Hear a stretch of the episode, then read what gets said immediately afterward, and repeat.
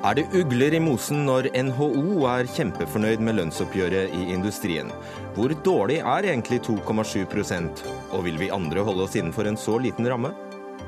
Informasjonsfolk i det offentlige gjør det de kan for å hindre kritikk av myndighetene, mener Offentlighetsutvalget. Vi svarer så godt vi kan, svarer statsministerens kontor.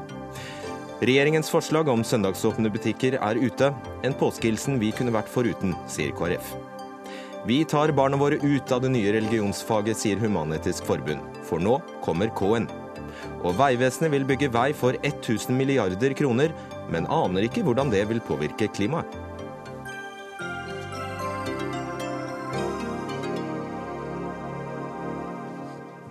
Og i løpet av denne Dagsnytt 18-sendingen skal vi også få høre hvordan kongelige brev behandles i Storbritannia.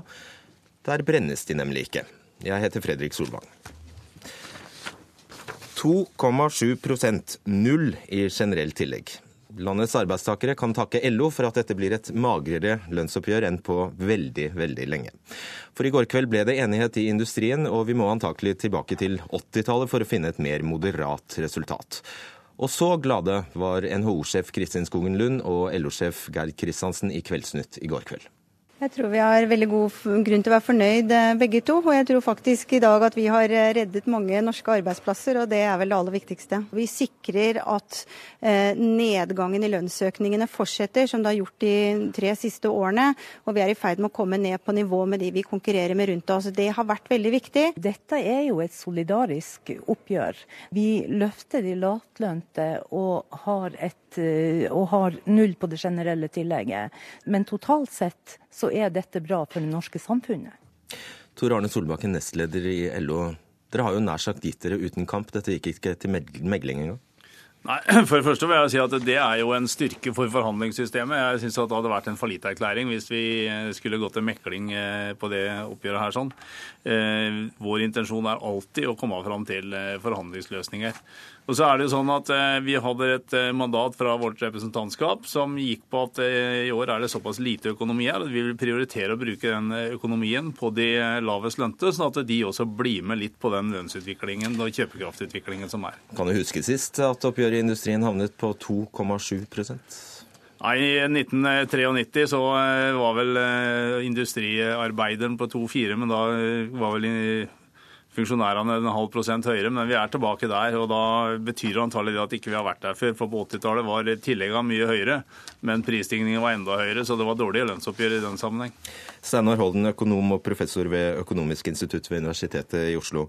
Arbeidsledigheten er lav, inflasjonen er lav, produktiviteten er høy, inntektene strømmer inn. Hvorfor, eh, hva, hva her er det som borger for en lønnsvekst på 2,7 vi har jo hatt veldig høyt, eh, høy lønnsvekst eh, i noen år eh, og kom opp på et veldig høyt kostnadsnivå.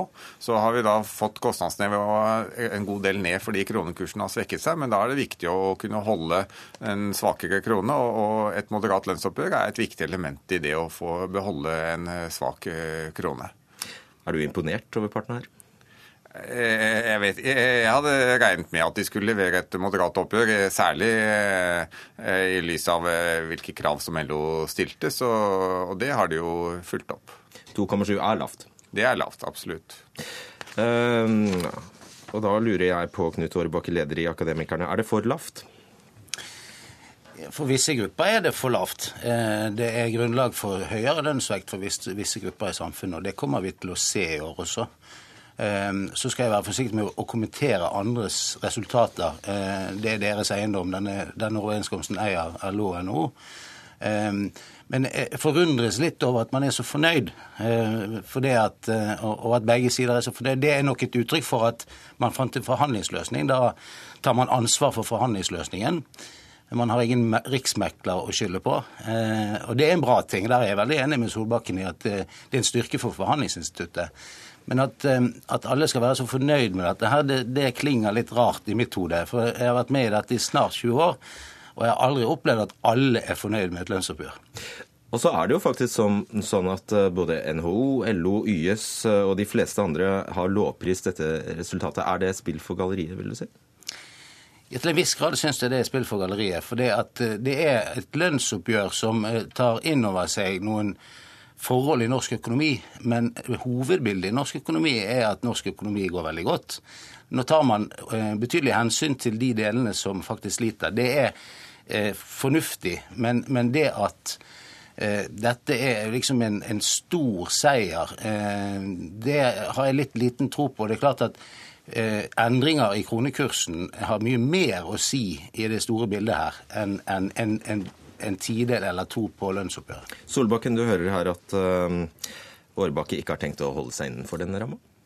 Nei, Nå eh, kom ikke det som noen bombe.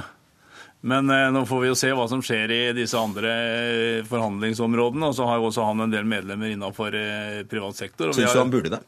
Selvfølgelig burde han det. Altså, det er vi har kommet til, og Når man kritiserer at vi er fornøyd eh, med dette, så syns jeg også det er litt rart. For her har vi altså hatt en ganske felles eh, beskrivelse av situasjonen. Det var eh, tøffe forhandlinger i forhold til å få lavlønnstillegget på det nivået vi mente det måtte være. Og det har vi fått til. Og det er såpass lite økonomi her. Han kunne lagt 30 øre eller noe sånt noe generelt ut, men det er var mye bedre nå å prioritere de lavest lønte og få en skikkelig likelønnsprofil på det samtidig. Og Så forutsetter jo vi at det ikke bare er LO og NHO som er interessert i norske arbeidsplasser. Vi har litt tiltro til at det også er noen andre organisasjoner som har det, og at man eh, forholder seg til eh, en ramme på 2,7 eh, Kort Årbakke, du tenker kanskje bare på deg selv, du? Nei da, og det er klart vi også opplever jo at det er tøffe tider for en del av norsk industri. Også en del av våre medlemmer opplever det. Eh, vi mener likevel at eh, her skal vi ut og forhandle lokalt i den enkelte virksomhet. og Det er den beste eh, måten å forhandle på. For da må du ta hensyn til bransjevise forskjeller, lokale forskjeller, regionale forskjeller osv. Det syns ikke du, Anders Folkestad. Du er leder i Unio. Men passer denne ramma på 2,7 deg? Jeg visste at det kom til å bli nøkternt. Dette er enda litt lavere enn jeg kanskje trodde det ville bli. Men eh, en kan mene hva en vil om, eh, om, behov og vurderinger akkurat nå. Jeg tror at det er sånn at 2,7, selv om det ikke er det endelige resultatet, så vil den ramma prege alle påfølgende oppgjør. Og det tror jeg de aller fleste også er innstilt på, slik situasjonen er nå. Eh, men, men, det er klart at jeg ser jo det at arbeidsgivere er så fornøyde at de smiler fra øre til øre. Og Sånn sett så kan jo det tyde på at dette er kanskje vel moderat, og at en overdriver litt eh, betydninga der noen tideler har for, eh, for, eh, for arbeidsplassene. Så, eh, så, nøyaktig hvor mye mer syns du LO skulle ha presset NHO? Nei, nei altså det, det, kan ikke jeg si noe om. Jeg regner med at dette kom til å bikke rundt tre blank, kanskje hårfint under, og det ble en et stykke ned på, eh, på eh, totallet. Og de første som vil merke effekten av det, er jo, er jo på mange måter pensjonistene, som får et fråtrekk på 0,75. Eh, og kommer til å, å tape reallønn det kommende året. Glemte du dem, Solbakken? Nei, vi gjorde ikke det. Og det er, eh, det er jo riktig det at, eh, at, eh, med prisstigning på 2,5 så kommer det litt negativt ut nå. Ikke minstepensjonistene, men de tilleggspensjonistene. Det er jo sånn at I forhold til det som var det opprinnelige forslaget med å legge seg mellom prisvekst og eh, lønnsvekst, så har det slått ut til pensjonistenes fordel hvert år siden dette systemet ble innført. I år så slår det litt andre veien. Så totalt sett så har de tjent på at vi har hatt det systemet der. Og så vil jeg også si i forhold til at eh, arbeidsgiverne smiler fra øre til øre. Ja, det er vel eh, to grunner til det. Det ene er at vi har fått et lønnsoppgjør som legger grunnlaget for at vi fortsatt kan ha en vekst i norsk næringsliv og i eksportretta industri. Og og Sammen med det resultatet her, så fikk vi også i dag svar på brevet vårt til regjeringa i forhold til eh, permitteringsreglene, der de nå innfrir de kravene vi har hatt i forhold til endringer i permitteringsreglene, som også er med å legge til rette for at vi kan berge norske arbeidsplasser. Steinar Holden, når du hører her at eh, LO sier jeg har all grunn til å være fornøyd med dette, men Årbakke varsler at eh, nei, det er ikke sikkert vi holder oss innenfor 2,7. Eh, finnes det. Hva skjer om man ikke gjør det? Dette er jo snakk om frontfaget, og det forventes at de andre skal eh, følge det. Ja, Det er jo klart at eh, det resultatet de kommer til i frontfaget, det vil jo være en norm for de andre, eh, andre områdene. Så man regner jo med at det er der de ender opp.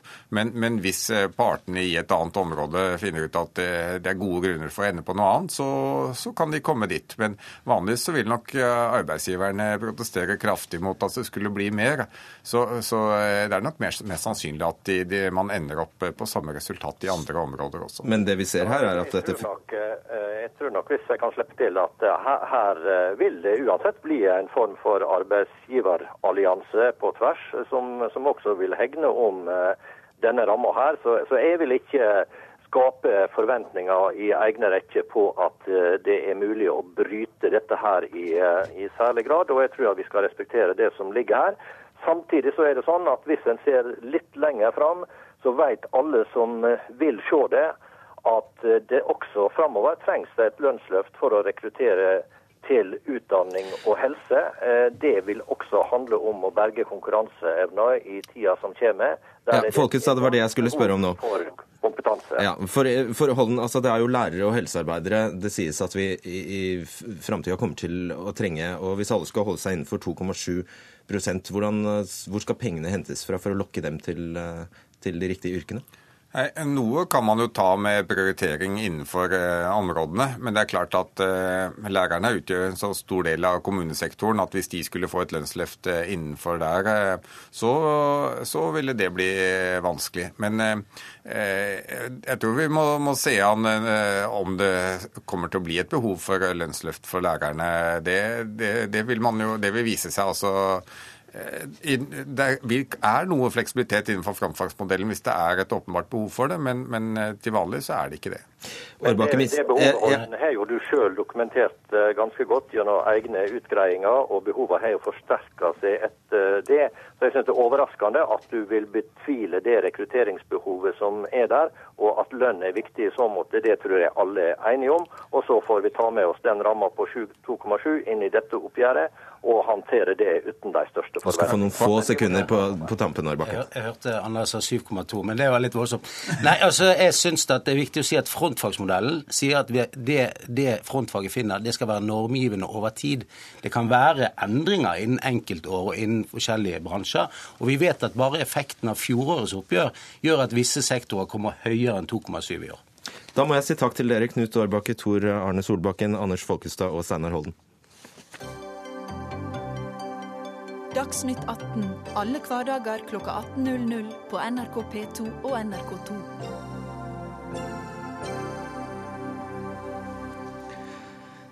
Trenering, avvisning, dokumenter som ikke finnes, ledende politikere som nekter å stille til intervju eller svare på spørsmål. Ja, dette er virkeligheten som møter gravende journalister som skriver kritisk om myndighetene. Og nei, vi snakker ikke om virkeligheten i land vi ikke liker å sammenligne oss med. Dette skjer her til lands, og det skjer nå. Historiene kom fram i metoderapportene til de gravende journalistene som i år deltok på SKUP-konferansen, en årlig begivenhet arrangert av Stiftelsen for en undersøkende og kritisk presse.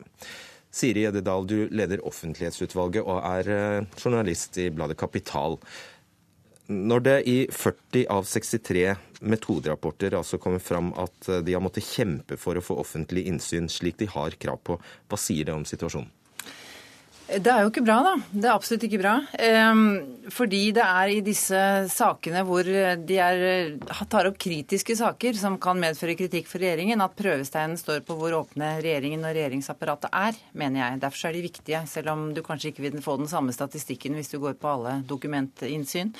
Eh, det er veldig viktig med offentlighetsloven. Det er så viktig at eh, dette dokumentinnsynet faktisk er hjemlet i Grunnloven. Og det er for at man skal kunne følge med i hva forvaltningens gjør. Eh, sikre en opplyst debatt og kontrollere forvaltningen. Det, ja. Hva slags saker snakker vi om her, sånn at publikum kan relatere dette til noe? Det er alle mulige politiske beslutninger som vandrer og går i, i departementene, f.eks. Eh, det er eh, ja.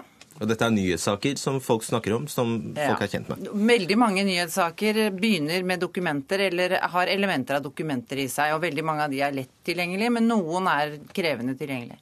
Og igjen for de som ikke er gravende journalister, eh, hvordan møter eh, journalistene veggen? Eh, altså Det er veldig forskjellig. fordi at Mye doku dokumentinnsyn går veldig bra, og vi har en bra offentlighetslov. og Mange i forvaltningen er flinke til å gi innsyn raskt og greit. Men så er det ikke alltid det går så bra. og Det som er urovekkende med de rapportene på Scoop, det er at det er nettopp saker hvor det rettes et kritisk søkelys mot forvaltningen eller politisk ledelse. Og da viser det seg at veldig mange av dem møter veggen ved at de eh, ikke får innsyn, eller innsyn treneres, det tar lang tid osv. Og, og da sier du tilfeldig? Ikke helt tilfeldig, nei. Det viser en del eh, saker. Ja. Mm. Professor i forvaltningsrett ved Universitetet i Oslo, Erik Bo. Hvorfor svikter systemet i dag, hvis det gjør det? Ja, det skyldes nok først og fremst at uh, offentlig ansatte dessverre ennå ikke ser på det å betjene mediene og å betjene allmennheten som en regulær del av jobben sin. Det er nærmest litt forstyrrende. Det er noe støy. Eh, veldig mange ansatte ser det på den måten. Og da blir det på en måte ikke integrert som en viktig del av det de skal gjøre i hverdagen. Å ta seg av medier og allmennhet på en skikkelig måte ved å gi gjensyn. Hva kan vi gjøre da? Ja, det er mange ting som man kan gjøre. Jeg ser jo at en eh, kollega av meg har slått til eh, lyd for at man må gjøre overtredelser av loven straffbar. Det kan være et viktig signal. For i dag er det ikke det? Eh, det kan være et viktig signal, for det sier noe om alvoret ved å overtre loven. I dag er det ikke noe straff knyttet til overtredelse av loven. Men jeg tror kanskje at straff ikke er så effektivt sanksjonsmiddel, fordi straff skal ilegges av domstolene. Og da må påtalemyndigheten først ta ut tiltale, og det er en ganske stor prosess for å få en straffedom. Så jeg tror svakheten først og fremst ligger i kontrollsystemet. Vi har et system der på én måte det er bukken som passer sin egen havresekk, altså. For skal man klage som journalist eller som enkeltmenneske over at man ikke har fått innsyn i et dokument, ja, så går klagen til nærmest overordnede organ i samme etat, som sannsynligvis har nøyaktig samme holdning til å nekte innsyn der hvor det ikke passer. Så det vi trenger, det er et uh, uavhengig kontrollorgan et organ som er uavhengig både av politikere og av offentlig ansatte, og som eh, kan eh, virkelig få liv i loven eh, ved å slå ned på det misbruket som i dag vitterlig finner sted. Sigbjørn Aanes, du er kommunikasjonsansvarlig ved statsministerens kontor og statssekretær der for Høyre. Blir du like alarmert som oss andre i studio her?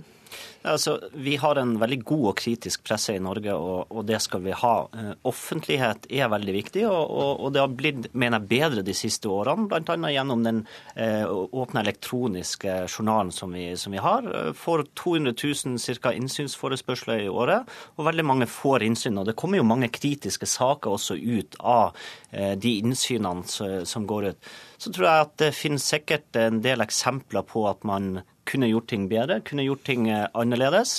Eh, men, men den svartmalinga litt jeg opplevde i, i kronikken, syns jeg ikke gir et korrekt bilde av hvordan det er. For, for, det, for det, gis eh, også ofte innsyn Så Gjeddedal har altså da skrevet en kronikk vi skal ja, bare opp helt, helt ja. riktig.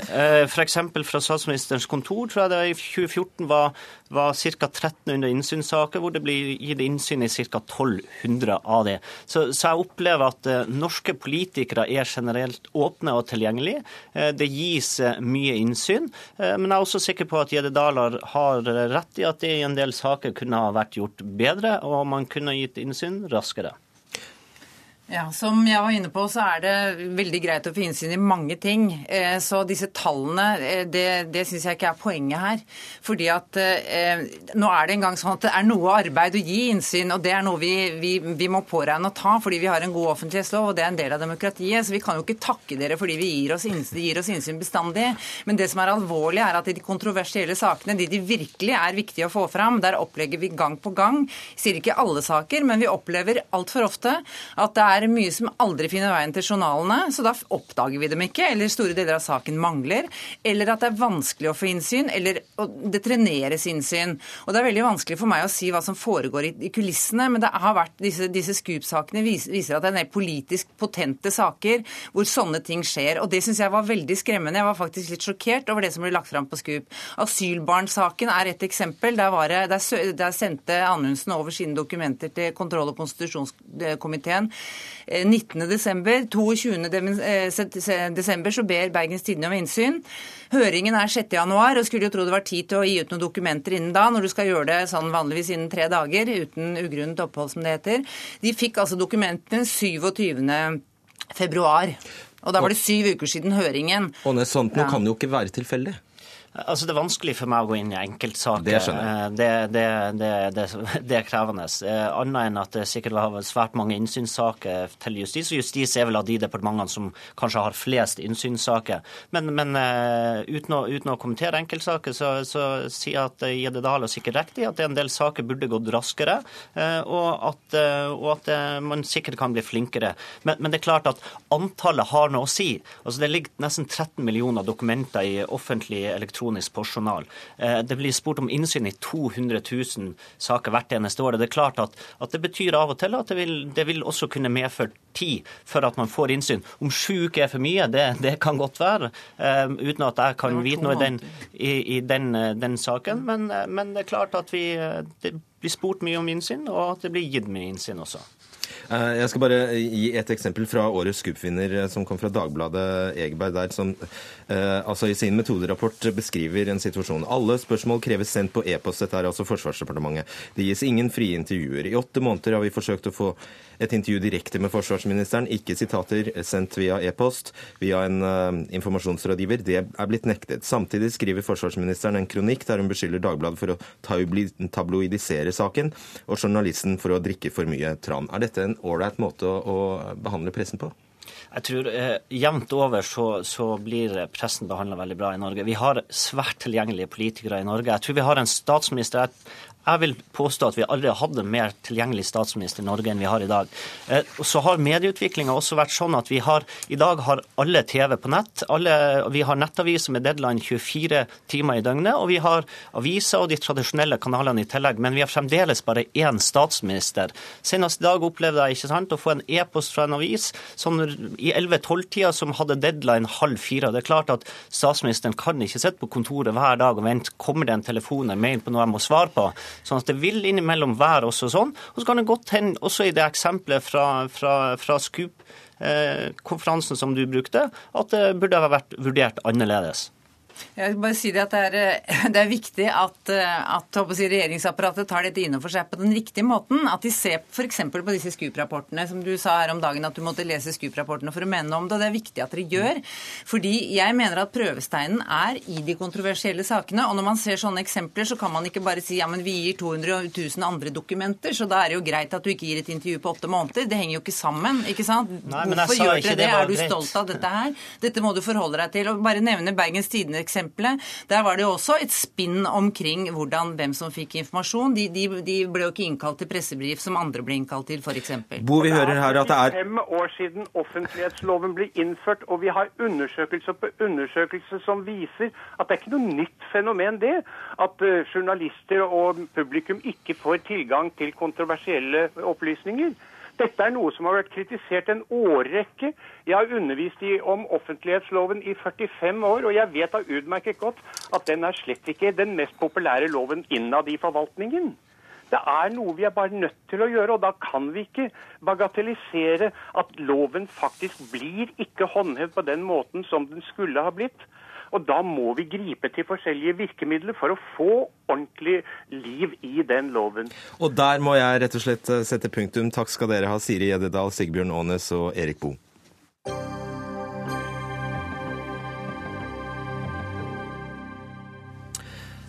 Ja, Vi skal eh, snakke litt mer om offentlig innsyn, og denne gangen handler det om innsyn i kongelig korrespondanse.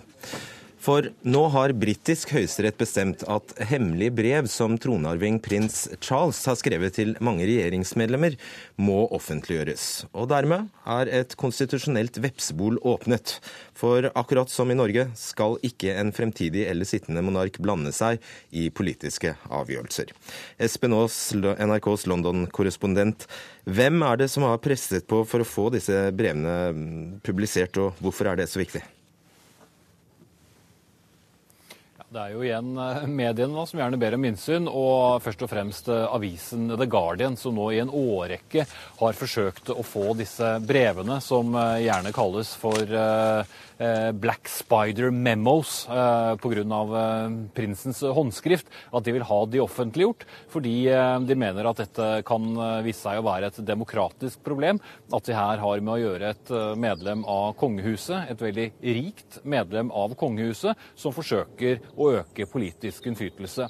Det er nemlig et lite smutthull i, i loven som eh, tilsier at uh, lover ikke kan vedtas uh, politisk før de har vært uh, forelagt et medlem av, av, kongehuset. Og selv om det vel er ment mer som en formulering, så mener avisen The Guardian at det er blitt vedtatt i nesten 40 40 lover eh, som da har vært via kongehuset, og først og fremst eh, denne prins Charles, som eh, jo har stått lenge i kø for å bli konge, men jo har fått honnørbillett før han har fått noen kroner.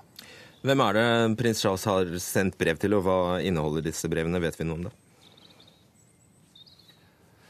Vi vet at han har sendt eh, brev til en rekke statsråder, en mengde statssekretærer og andre medlemmer av eh, regjeringen. Eh, prins Charles er en mann som alltid har vært veldig engasjert. Han er jo ennå ikke statsoverhode og har dermed ikke helt den samme strenge, nøytrale loven som han skal følge. Han har alltid vært engasjert i økologisk landbruk, i arkitektur, alternativ medisin og ikke ikke minst klimaendringer. Eh, og selv om ikke vi har sett disse brevene, så er det jo grunn til å tro at det er disse hjertesakene da han har eh, skrevet til eh, disse regjeringsmedlemmene om.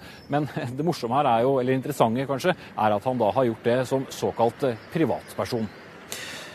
Og så har statsadvokaten kjempet for å holde innholdet i brevene hemmelig, og sittende statsminister David Cameron har også vært svært kritisk til at disse skulle publiseres. Hvorfor det?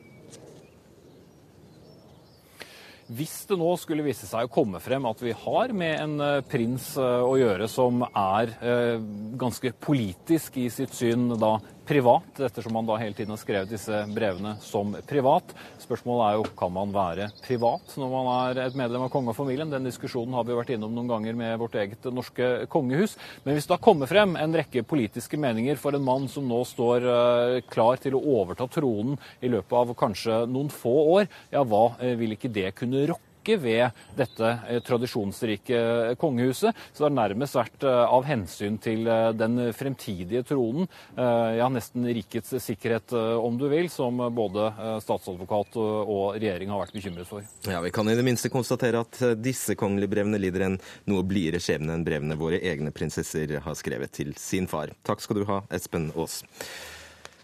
Vi skal eh, straks eh, snakke om søndagsåpne butikker her i Dagsnytt 18, men eh, for i dag kom forslaget fra regjeringen som nå går ut på høring. Men først skal vi innom vår reporter på Gardermoen, Joakim Reigstad. For i går var det jo et stort snøfall på Østlandet, og det forplantet seg. Og i dag har det vært kaos på Gardermoen. Tidligere i ettermiddag stoppet til og med bagasjebåndene. Hvordan er situasjonen for de reisende der nå? Ja, det er nok noe bedre enn det var i morgentimene i dag. og i eh, tidlig ettermiddag. De aller, aller verste køene er eh, tatt unna, men fortsatt. Jeg står nå og kikker bort på den enorme køen av mennesker som venter på å få ombestilt og få ny billett til sin eh, destinasjon, som altså har opplevd at flyet har blitt eh, kansellert, eller at de av andre grunner ikke har klart å komme med, den er fortsatt veldig veldig lang. Og her har folk sittet i timevis. Vi kan snart begynne å snakke om i dagevis. Mange sinte mennesker? Faktisk så er det ikke så mange sinte mennesker som man skulle tro. Folk sliter litt med å finne ut hvem de skal være sinte på, for dette her var jo strengt tatt eh, kong Vinter som gjorde et tilbaketog med kraftig snøfall i går, som har forplantet seg. Flyselskapene har gjort det de kan for å hjelpe passasjerene med å komme seg videre. Men så langt så har de ja, de har lyktes til en viss grad, men ikke, ikke, med alle sammen. Og så er det jo heller ikke flyplassen sin skyld eh, at det skjer en teknisk feil. Det kan jo ingen gardere seg 100 mot. Slik at folk her er mer oppgitt over lang ventetid og veldig mye folk og en dårlig start på påsken, enn at de er sinte. Hva sier flyplassledelsen om situasjonen utover kvelden? Flyplassledelsen sier at de håper å få av gårde så mange som mulig i løpet av kvelden. Men det er mange som må belage seg på at eh, hjemreisen blir først i morgen. Det er en lang kø også bort til skranken, hvor man får eh, hotellrom, som er da det tilbudet flyselskapene har dersom et fly blir eh, kansellert. Og de oppfordrer da, og da kan jo vi ta den oppfordringen videre til Dagsnytt 18s lyttere, om å holde seg oppdatert på situasjonen gjennom nettsider og møte opp til avgang som planlagt. For hvis man ikke gjør det, så kommer man i hvert fall ikke hjem på påskeferie. Takk skal du ha, Joakim Reigstad, og en av de nettsidene heter jo nrk.no. Akkurat idet mange var i ferd med å pakke påskesekken, kom regjeringens høringsforslag om søndagsåpne butikker nå i ettermiddag. Og Der foreslås det at butikker skal holde åpent på alle vanlige søndager, men fortsatt stenge på andre helligdager og på 1. og 17. mai.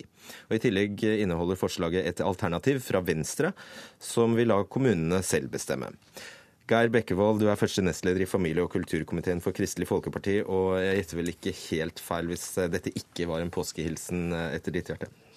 Nei, det, det må jeg si. Altså, jeg må jo si at det er jo ikke først og fremst eh, KrF eh, som er offeret her, og eh, at det er vi som på en måte skal gråte over at man sender slike påskehilsener. Det er jo faktisk de som jobber i denne næringen, som nå har fått en påskehilsen fra denne regjeringen, at de sannsynligvis er nødt til å jobbe enda mer og også på den dagen som har vært en annerledes dag for de aller fleste av oss, nemlig på søndager. Jo, men nå det jo, kan det jo bli kommunalt valg? Kommunalt. Jo, men det er jo det, er det mest ytterliggående forslaget, og kanskje det mest konkurransevridende. Jeg bor i Skien. Eh, nabokommunen Porsgrunn er vevd nøye sammen. Der har politikerne vært veldig opptatt av eh, handelslekkasje og prøvd å gjøre noe med det.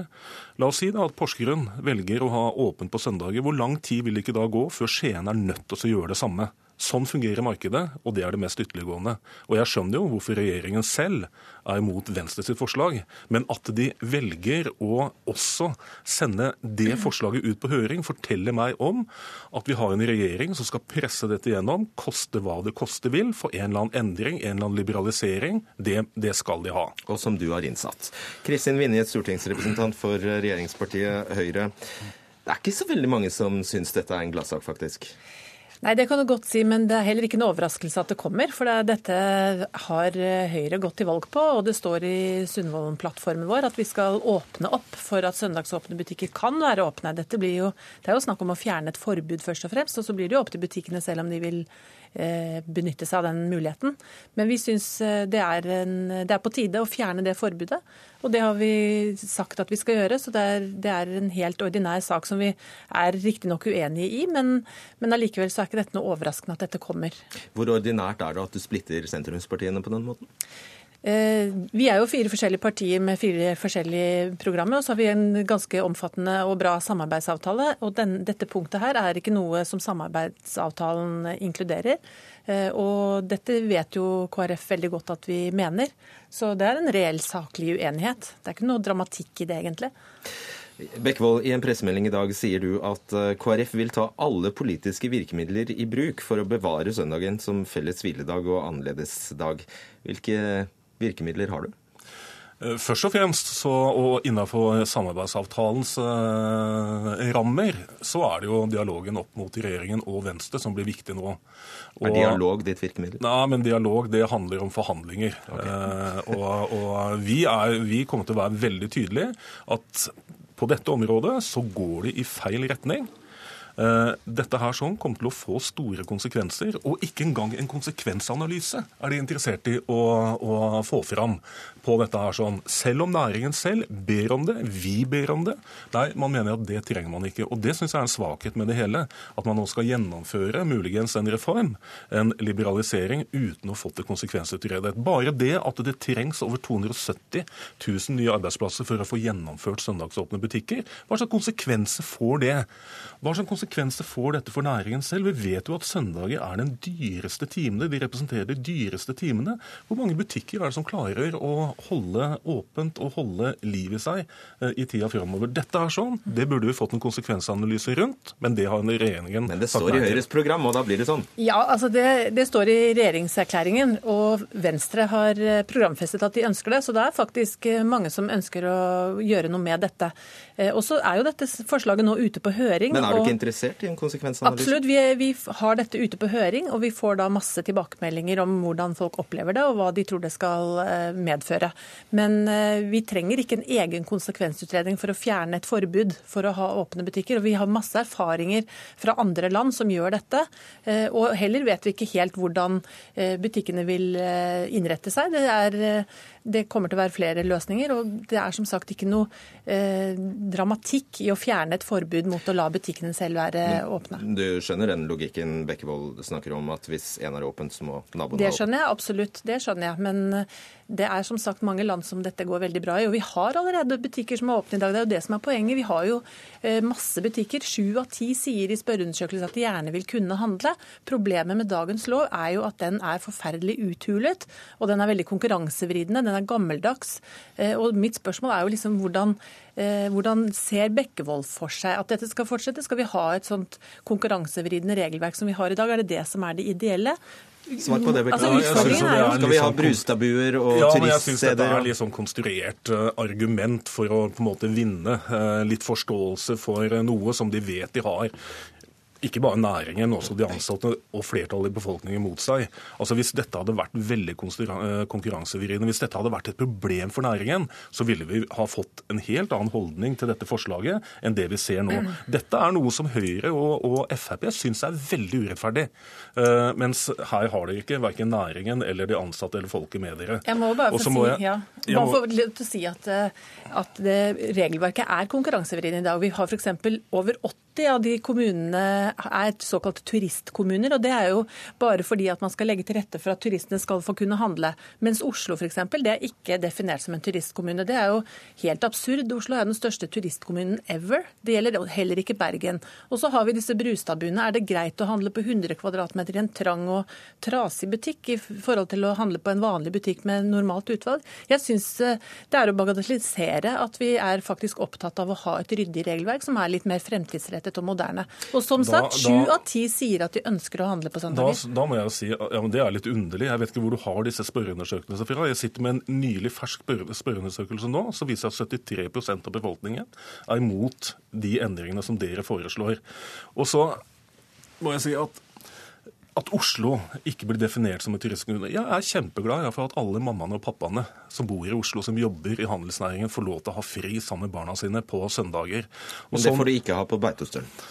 Eh, på Beitostølen, det, det, har jeg hørt. Eh, og jeg har hørt at kulturministeren syns det er veldig urettferdig at folk nede i Fagernes da ikke får lov til å ha åpent, mens hun kan handle da på Beitostølen. Jeg er som sagt veldig glad for at også foreldrene, mammaen og pappaene på Fagernes kan få lov til å ha fri på søndagene. Men Bekkevold, jeg må bare spørre deg om noe, fordi du, dere har jo lagt, til, lagt, dere til den vannet å stille ultimatum til denne regjeringen. Er dette en sånn? Nei, vet du hva, jeg, har, jeg, er ikke av de som har tenkt å la det gå sport i å stille ultimatumer. Eh, nei, jeg gjør ikke det. Jeg tror vi skal klare å få overbevist denne regjeringen og jeg tror at vi kommer til å få veldig god hjelp av de høringssvarene som kommer, til å la få denne regjeringen til å legge dette i skuffen. Ja, Vinne, Hva gjør dere hvis eh, også et flertall av eh, høringsinstansene sier eh, nei?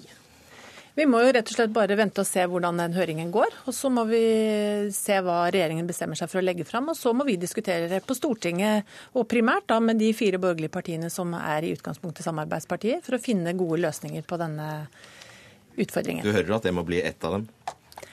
Kan, vi skal snakke sammen alle sammen. Altså, dette er jo ting vi skal diskutere. Jeg går ut fra at også KrF er interessert i å diskutere mulige løsninger på det. Selv om de primært ikke ønsker det, så er de jo interessert i å påvirke i den retningen de selv ønsker. At snakke sammen, dialog, det handler om å forhandle, og vi skal bli enige. Fint politikerspråk. Takk skal dere ha, Geir Bekkevold og Kristin Vinje.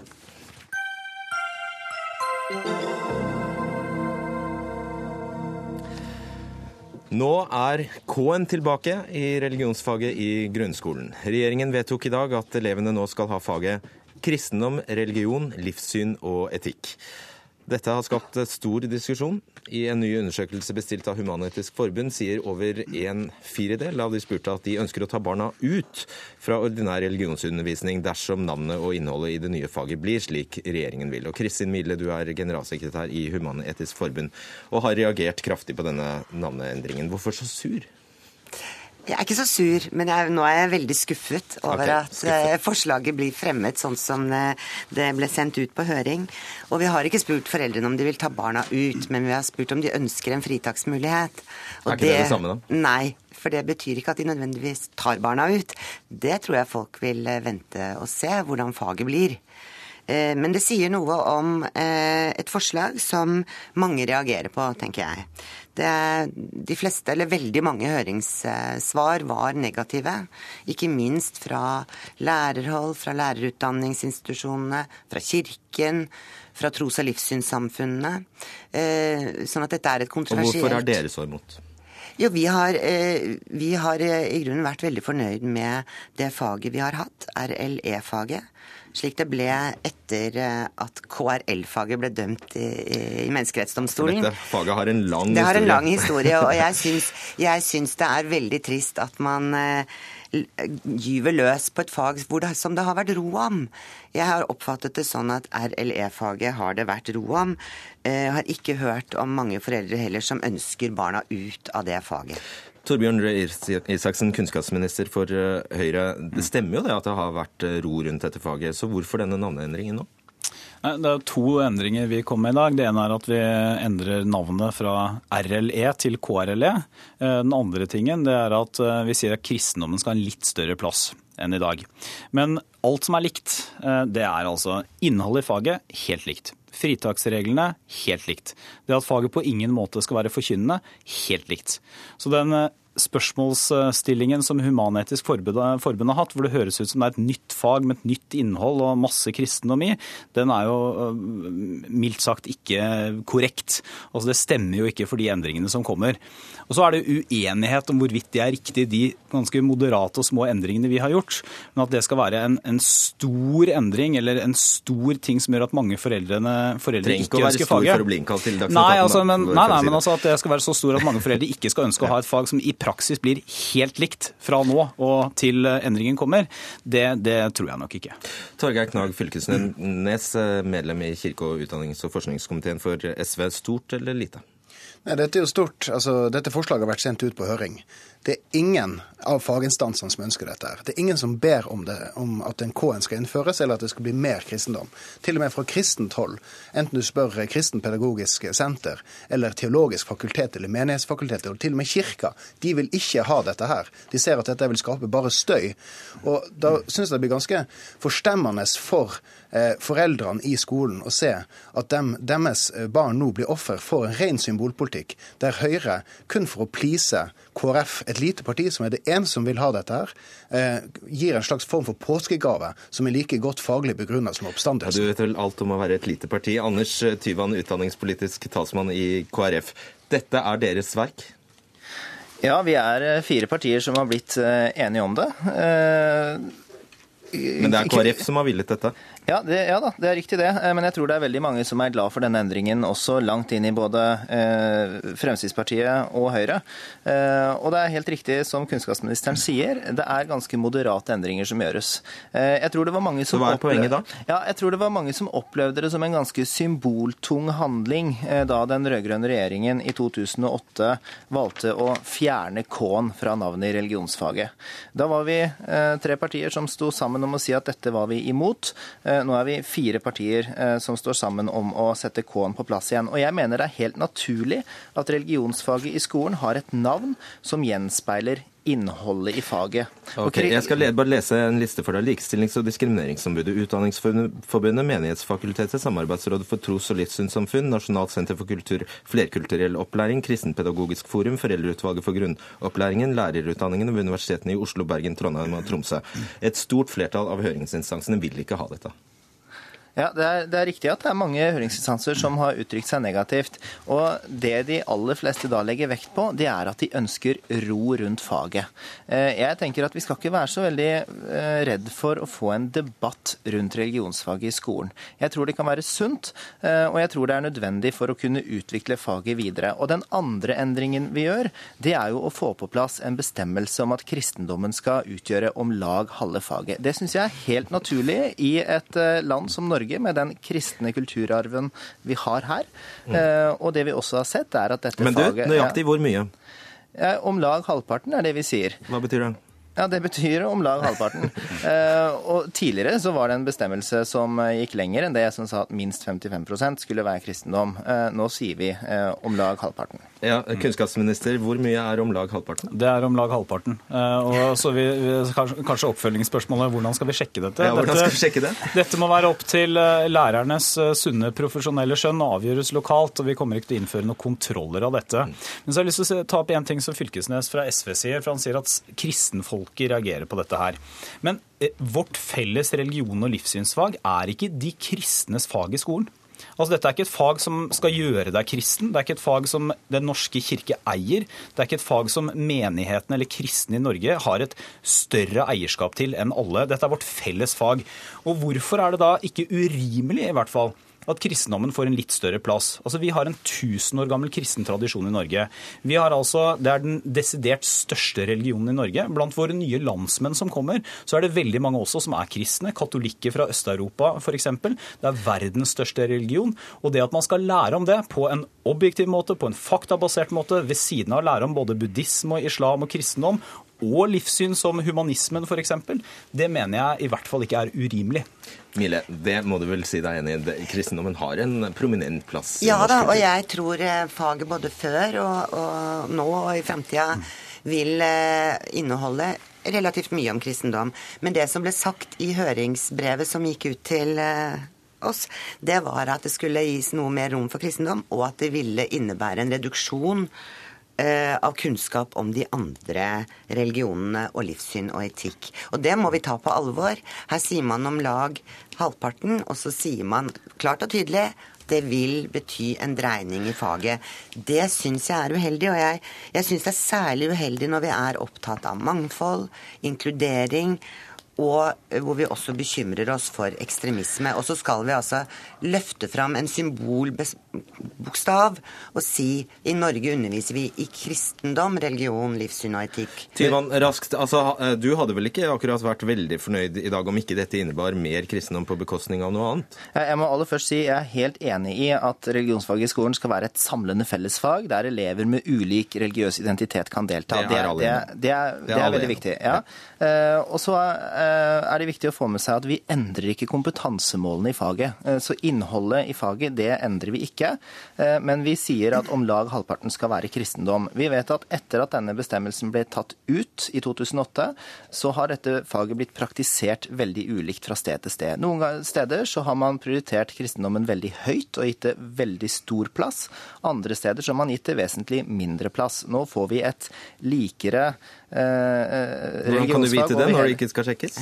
ja, Vi sender i hvert fall et veldig tydelig signal eh, som vi eh, har eh, tillit til at, eh, at lærerne følger opp. Da får vi et likere religionsfag over hele landet, der kristendommen har en naturlig stor plass. Fylkesnes, hvordan mener SV at dette faget burde vært? Nei, Vi likte jo den innordninga som var fra før. Altså, dette skal være et fag som i sin natur skal eh, være at det er ulike mennesker eh, som skal få en større respekt for hverandre og større kjennskap til seg sjøl, sin egen overbevisning, sin egen kropp, sin egen seksualitet. Det er et veldig bredt fag som er et stort fag i skolen. Og glemme at de fleste da- er kristne her i landet? Ja, og så når du da eh, får en sånn voldsom vekting, du får en veldig symbolkamp inn i dette faget som kun ett parti ønsker, og ingen andre i landet ønsker, da begynner det plutselig å provosere. Og Det er da jeg tror at du, du, du opphever den roen du har skapt over dette. her, og du, du sier faktisk rett ut at kristendom er et viktigere fag, mens målet med dette her faget her er å skape respekt og forståelse på, på tvers av, eh, av overbevisninger og hva kulturer folk kommer fra. Men to ting. Eh, Det første er at jeg tror for å forstå Norge, eh, enten man er født i Norge eller kommet til Norge eller bor i Norge, så er det ganske avgjørende å forstå kristendommen. Og det at kristendommen, som har en så spesiell plass i norsk historie, også har en litt større plass i religionsfaget, mener jeg ikke er urimelig. Det andre er at det som ville skapt uro, det er hvis man tok en revers tilbake til kristendomsfaget for 30 år siden, som var forkynnende, hvor det var eh, nesten ikke fritaksmuligheter, eh, hvor det var så å si bare kristendom, og det var en slags forlengelse av det som skjedde i kirkerommet. Slik er ikke faget, og slik skal ikke faget bli. Nå jo ikke du om det blir faget- uro, da. Jo, nei, altså, men det, var det, som, det er jo det som virkelig ville vært en endring av fag. Altså Fritaksreglene er akkurat de samme. Innholdet i faget vil være akkurat det samme. Det vil være akkurat de samme reglene for at dette på ingen måte skal være forkynnende. Men det vil gi litt større rom for kristendom, og det vil hete Ja, noe bare- med en K. Ja, det vil det, og det er jo symbolsk. Jeg vil bare spørre deg om dette med lærerutdanningen. Eh, Det skal bli en del av lærerutdanningen nå, og sist det skjedde, så gikk det vel på bekostning av engelsk. Hva går det på bekostning av denne gangen? Nei, det er ikke helt presist. Altså, det RLE, eller KRLE, vil fortsatt være et valgfritt fag. Men det vi har sagt, det er at eh, religionskompetanse, altså det å kunne noe om f.eks. islam når du har elever med muslimsk bakgrunn, det burde få en større plass i et fag som handler om elevkunnskap og pedagogikk i skolen. Jeg vet ikke om jeg skjønte det svaret helt. Nei, men det, jeg, nå sa jeg det så enkelt som jeg klarte. altså, KRLE blir ikke obligatorisk i lærerutdanninga. Eh, KrF har ønsket det, eh, men det har ikke, har ikke blitt enig om. Gjennom. Ok, Men jeg, har lyst også til å, å si at for det første så er jeg opptatt av lærernes eh, mulighet og frihet til å velge undervisning i det klasserommet de står i. Det vil, den vil bli begrenset nå. Eh, Og klasser er ulike. Det er ikke i alle klasser at flertallet er eh, kristne. Samtidig så er en av begrunnelsene for forslaget at man skal ha utgangspunkt i egen tro for å forstå andres tro og livssyn. Det gjelder tydeligvis da bare for de kristne. Eh, Det er fryktelig vanskelig å forstå at man skal ha utgangspunkt i kristendommen for å forstå sin egen tro eller sitt eget livssyn. Tyvan, jeg må spørre deg. Er dette, innebærer dette en reell innholdsmessig forandring i dette faget? Altså Innholdet i faget gjør vi jo ikke noe med. Det vi gjør er at vi endrer navnet til KRLE, og så får vi en, eh, en sentral bestemmelse om at kristendommen skal utgjøre om lag halvparten av faget. Dette har det vært bred politisk enighet om i veldig mange år, at kristendommen skal ha en mer sentral plass i religionsfaget enn andre religioner. Eh, Og eh, Bård Vegar Solhjell, som var statsråd fra, fra SV da disse endringene eh, ble, ble gjennomført i 2008, da man fjernet K-en og kravet om kristendomsandel, han var veldig tydelig på det, at det skal være like mye kristendom. Derfor ble heller ikke kompetansemålene endret den gangen. Og jeg må si jeg stusser litt da på SV. Enten så har de endret sin politikk veldig, eh, eller så er det en sånn underlig dynamikk at eh, det er veldig alvorlig å en, å, å legge til en bokstav, mens det ikke er veldig alvorlig å ta bort en bokstav. Det får dessverre ikke SV svare på, for tida er ute. Beklager. Torbjørn Røe Isaksen, Kristin Mille, Torgeir Knarg Fylkesnes og Anders Tyvand, takk.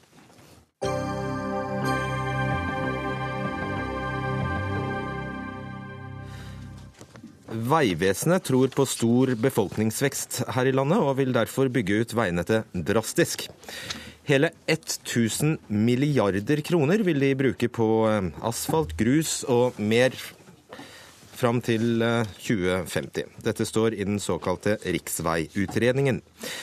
Jan Fredrik Lund, du er eh, avdelingsdirektør i Vegvesenet. Hvorfor er det nødvendig å bruke så mye penger? Eh, Vi har gjort en analyse av hva som er behovene, eh, hvis vi ser på dagens eh, normaler, dagens krav til veier, med gitt befolkningsvekst og med gitt økonomisk vekst. Og da blir svaret vårt at da er behovet eh, det som ligger i riksveiutredningen, til en kostnad av 1000 milliarder kroner. Veldig røft. Og det er helt vanvittig mye penger. Deres rapport altså en, blir altså en anbefaling til politikerne om eh, hvordan de bør prioritere. Eh, har dere husket alt?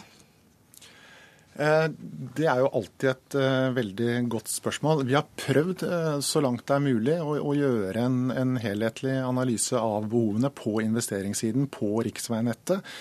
Eh, Gitt som sagt eh, de forutsetningene som vi legger til grunn om økonomisk vekst og befolkningsvekst, eh, gitt av Statistisk sentralbyrå og Finansdepartementet. Og det er på en måte vårt grunnlag for, for regnestykket. Og det er en betinget anbefaling. altså Gitt at utviklingen blir sånn som den er i dag, så er det vår anbefaling i forhold til et effektivt og trafikksikkert veinett. Holger Slaupitz, du er fagsjef i Naturvernforbundet. Er det noe Vegvesenet har glemt her? Ja, det er jo eh, slik at Vegvesenet har eh, dokumentert da kostnadene, som er 1000 milliarder kroner. Det er vanvittig mye penger, som du også sier. Og så er det pekt på en del fordeler som kan oppstå, eller som kommer av å bygge disse veiene. Men det er også en del ulemper på miljøsida, bl.a. klimakonsekvensene. Men det står det vel en god del om? Det gjør det jo ikke, dessverre. Og det er jo slik at eh, det er jo en vanlig praksis, og det er også noe som ble blitt påpekt av Stortinget i behandling av Nasjonal transportplan 2010-2019, at eh, klimakonsekvensene av utbyggingsprosjektet må være kjent. Og Det som er viktig for oss, er at dette her blir kjent tidlig, slik at ikke en slik eh, rapport legger føringer for debatten uten at klima blir med i debatten. Står det ingenting? Det står vel sikkert noen ord om klima, men eh, ikke noe tall på eh, hvor stor utslippsendring som skjer, hvor mye trafikkøking som vil oppstå. Det er ikke med i denne rapporten. Oppslund? Glemte det? Ja, altså, nei, det vil jeg ikke si. Vi, vi, eh, jobber med saken, og vi jobber inn mot Miljødirektoratets arbeid med, med lavutslippssamfunnet. Eh, vi gjør analyser nå som vil være ferdig før sommeren, som vil være en del av et helhetlig bilde på klimautfordringene innenfor transportsektoren. Mens eh, riksveiutredningen er en partiell analyse av behovene på, på, på investeringssiden. Så det du sier er at det kommer? Eh, det kommer. Hvorfor kommer det ikke samtidig? Eh, først og fremst ressursmessige hensyn i forhold, til, i forhold til analyser. Men jeg kan samtidig si litt om, om Tid eller penger? Nå går det helt på, på, på ressursmessig forhold til konsulentoppdrag. Okay. Det å bruke, bruke fagpersoner til å gjøre jobben. Så, så det, det, vil komme. Men jeg kan gjerne si litt om, ja, si litt om, om, om ja. nivået på hva vi snakker om her av, mm. av klimakonsekvenser. Eh, vi har eh, i, i, bunn eh, en, en, grunnprognose på hva som blir behovene framover. Den sier at vi vil få en, en, en trafikkvekst på, på, veisystemet på 45% fram mot 2050 eh, hvis man ikke endrer på dagens politikk og hvis man ikke bygger ut veinettet. Hvis vi bygger ut eh, veinettet slik som vi har skissert, så eh, vil den ekstra trafikken som vil strømme ut på veiene, være et sted som vi da skal beregne, men som jeg kan anslå nå per i dag til et sted rundt 5% kanskje. Så det er på en måte Hovedutfordringen på transportområdet er de store økningene som følger av samfunnsutviklingen. Og Da vil jeg tippe Slagpitz, at eh, dere har bestemt dere allerede før dette klimaregnskapet kommer på bordet, at dette er ikke, dette er ikke en farbar vei?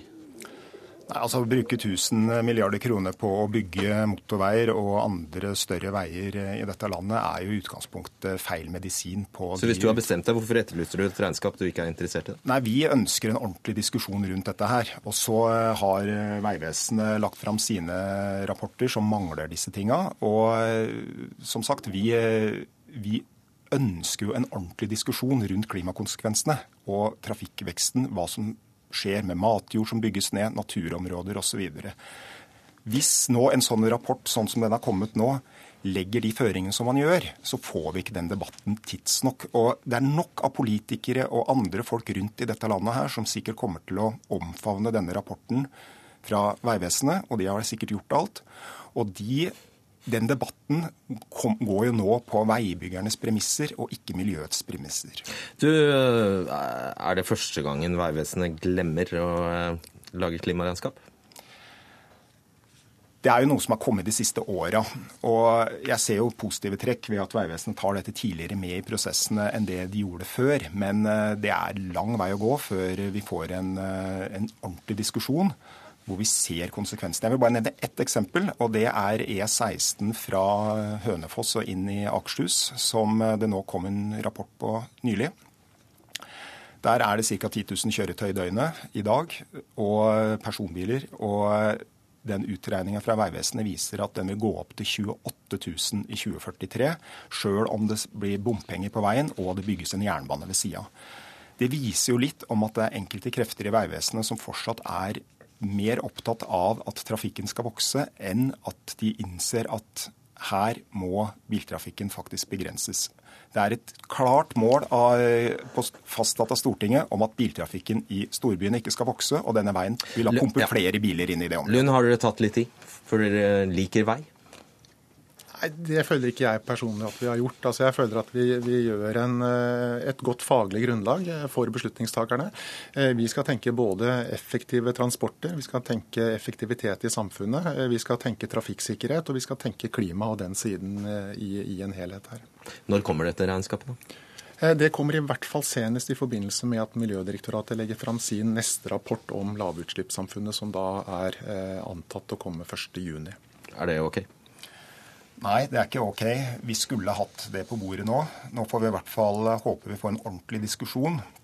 1000 milliarder kroner på nye veier i Norge, det, det trenger vi ikke. Vi trenger de pengene til å bygge bybaner, jernbane, sykkelveier, kollektivfelt og hva skal jeg si, mange andre fornuftige miljøtiltak. Så ja, Klimaregnskapet er en viktig del av debatten, men vi må også diskutere realitetene i å bruke så mye penger på noe som kanskje ikke løser utfordringene. Og der må jeg si takk til dere, Jan Fredrik Lund og Holger Slaupitz. Og bare konstatere at denne sendingen er over. Ansvarlig for den var Alf Hartgen, teknisk ansvarlig Frode Thorshaug, og jeg heter Fredrik Solvang.